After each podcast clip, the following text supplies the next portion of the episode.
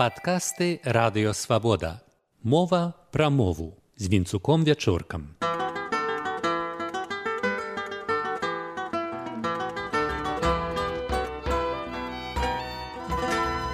Вітаю шаноўнае спадарства адэпты рускага міру каб давесці неіснаванне беларусі і беларускай мовы звяртаюцца да правапіснага аргументу маўляў паколькі ў створаных на тэрыторыі беларусі старадаўніх пісьмовых тэкстах пісалі і тут я чытаю ўслед за літарамі. Вялікое князьство літоўское дед чалавек река значыць гэтакі вымаўлялі.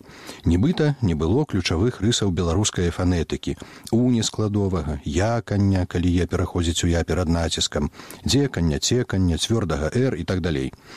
Але правапіс рэч умоўная і дамоўная як людзі пагодзяцца пісаць каб адзін аднаго разумець так і пішуць вякамі.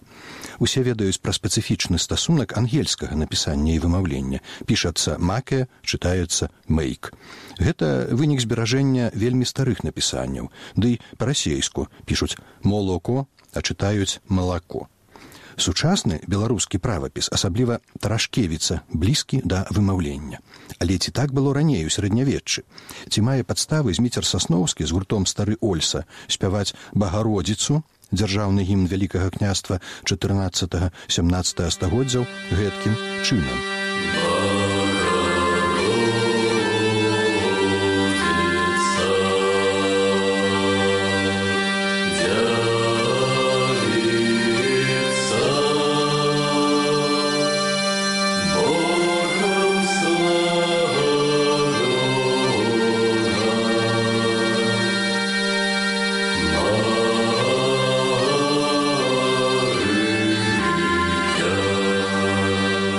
Багародзіца, дзявіца, Богам славёна, Марыя, Маці звалёна, Марыя, зычы нам і адпусці нам. Ці ёсць падставы вымаўляць дзявіца, зычы, так тады не пісалі. Нагадаю, кірылічная азбука прыйшла ў Беларусь у девятым стагоддзях разам з богаслужбоваю літаратураю на мове, якую умоўна завуць стараславянскай, а пазнейшую версію царкоўнаславянскай. Тая мова была родная для насельнікаў горада солуні, продкаў цяперашніх балгараў і македонцаў. З солуні родам браты кірыла і мятод, якія стварылі азбуку для тае мовы і пісалі тэксты на ёй. Для нашых продкаў стараславянская, хоць збольшага зразумелая, сваёй не была. Аднак тэксты на ёй малітвы новы і стары запаветы былі ахутаныя сакральнай недатыкальнасцю. Іх доўга стараліся не мяняць пры перапісванні. Вось чаму скарына піша звері нібыта без якання і з мяккім р ён проста паўтарае царкоўнаславянскі правапісны стандарт.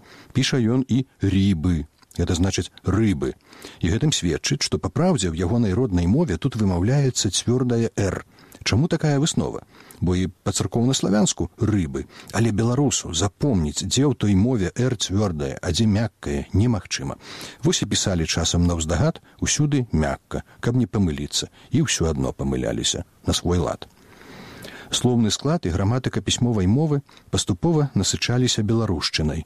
І ўрэшце свецкія тэксты асабліва дарэчы судовыя пратаколы дзе жывая мова. З канца 15 стагоддзя можна лічыць цалкам беларускамоўнымі.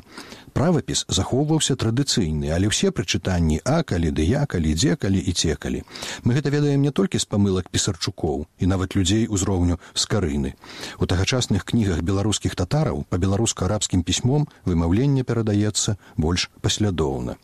Першы заўважыў праблему цяперашняга няправільнага чытання старых тэкстаў Ян Станкевич. Калі Беларусь лучыла пад маскоўшчыну, дык расейцы ў канцы 18 стагоддзя накінулі нам сваю вымову царкоўнаславянскага пісьма.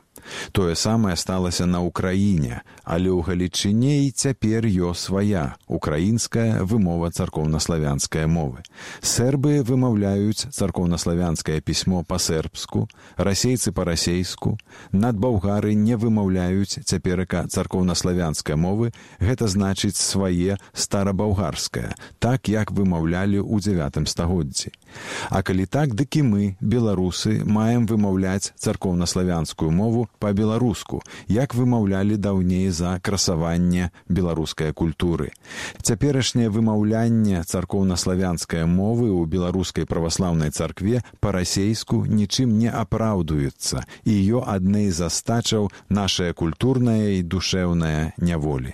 Ян Станкевіч выкладае навуковыя правілы чытання старых тэкстаў з яканнем і дзеканнем і ў якасці прыкладу падае малітву верую па-царкоўна-славянску, але ў беларускай вымове. Верую ў ядзінага бога айца, уседзяржыцеля, тварца небу і зямлі, відзімым жа ўсем і нявідзімым, і ў ядзінага Господа Ісуса Хрыста, Сына Божая, ядзінароднага, ежа адайца раждзеннага прэждзя ўсіх век. Гэтак мусіла б гучаць царкоўна-славяншчына ў беларускай праваслаўнай царкве.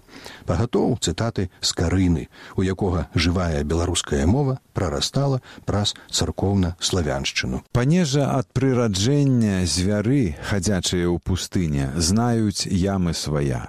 Пціцы, лётаючыя па воздуху, ведаюць гнёзды свая. Рыбы, плываючыя па мору і ў рэках чуюць веры свая, пчолы і тым падобнае бароняць вулляў сваіх. Так аж і людзі, ідзе зрадзіліся і ўскормленыя суть па бозе к таму месту вялікую ласку і маюць.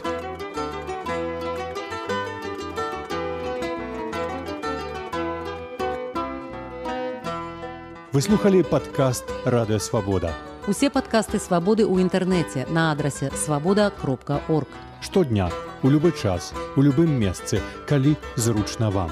Свабода кропка орг.